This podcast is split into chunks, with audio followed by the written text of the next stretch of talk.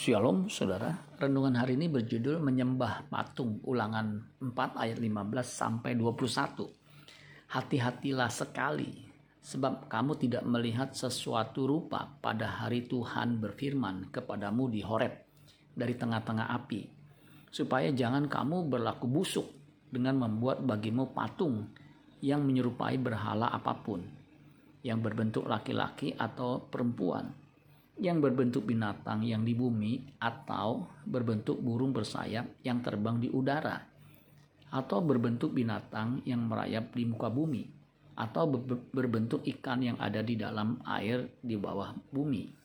Dan juga supaya jangan engkau mengarahkan matamu ke langit sehingga apabila engkau melihat matahari bulan dan bintang segenap tentara langit engkau disesatkan untuk sujud menyembah dan beribadah kepada sekaliannya itu yang justru diberikan Tuhan Allahmu kepada segala bangsa di seluruh kolong langit sebagai bagian mereka.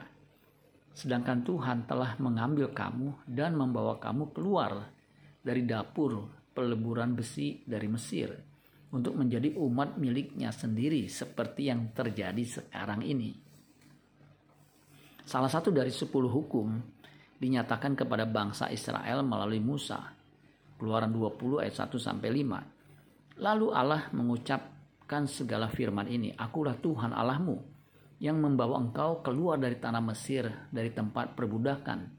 Jangan ada padamu Allah lain di hadapanku.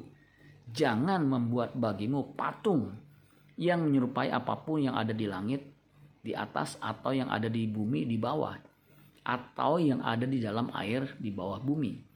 Jangan sujud menyembah kepadanya atau beribadah kepadanya Sebab aku, Tuhan Allahmu adalah Allah yang cemburu, yang membalaskan kesalahan bapa kepada anak-anaknya, kepada keturunan yang ketiga dan keempat dari orang-orang yang membenci aku.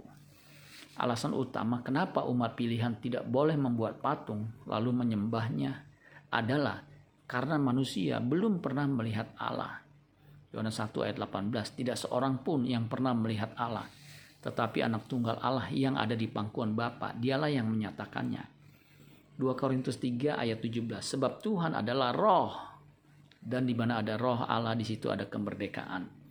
Yohanes 4 ayat 24. Allah itu roh dan barang siapa menyembah dia harus menyembahnya dalam roh dan kebenaran. Jadi siapa pun yang membuat patung menyerupai apa pun lalu menganggapnya sebagai Allah sehingga disembah adalah kekejian di mata Allah. Allah murka kepada penyembah patung ini.